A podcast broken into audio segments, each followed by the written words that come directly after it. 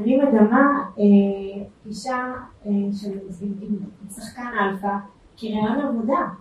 אני עושה לו ראיון למה הוא הולך לקבל את הכסף שלי. הוא צריך להסביר לי בדיוק מה הפרויקט, אני רוצה להבין את הפרויקט. יש אנשים שהולכים ומשקיעים, והם עושים בכלל איזה פרויקט הלוואי, הם בכלל לא מתעסקים בנדל"ן, הם אפילו לא ידעו את זה, אוקיי?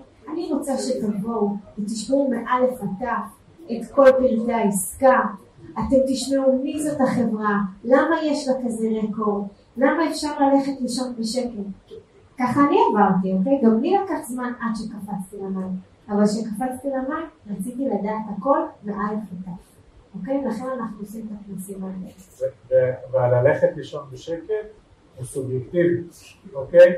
הוא סובייקטיבי. הרוב לא ילכו לישון בשקט, כי זה יורד שוב לתודעה שדיברנו. צריך להבין בסוף איפה שתשקיעו, במקומות שאנחנו משקיעים, עם שחקנים אחרים, לא משנה, בכל השקעה יש סיכוי וסיכון. בסדר? סיכוי וסיכון. במינוף יש סיכוי וסיכון.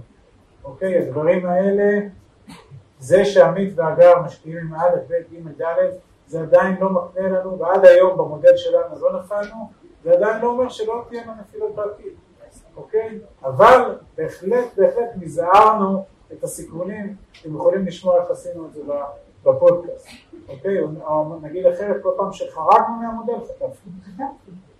הרצינו על זה 20 דקות עם חיוך על 700 אלף שקל. עם חיוך. חרגנו מהמודל הזה, השקענו לא בצורה שאנחנו מדברים עליה בבוקר של תחילת שכר.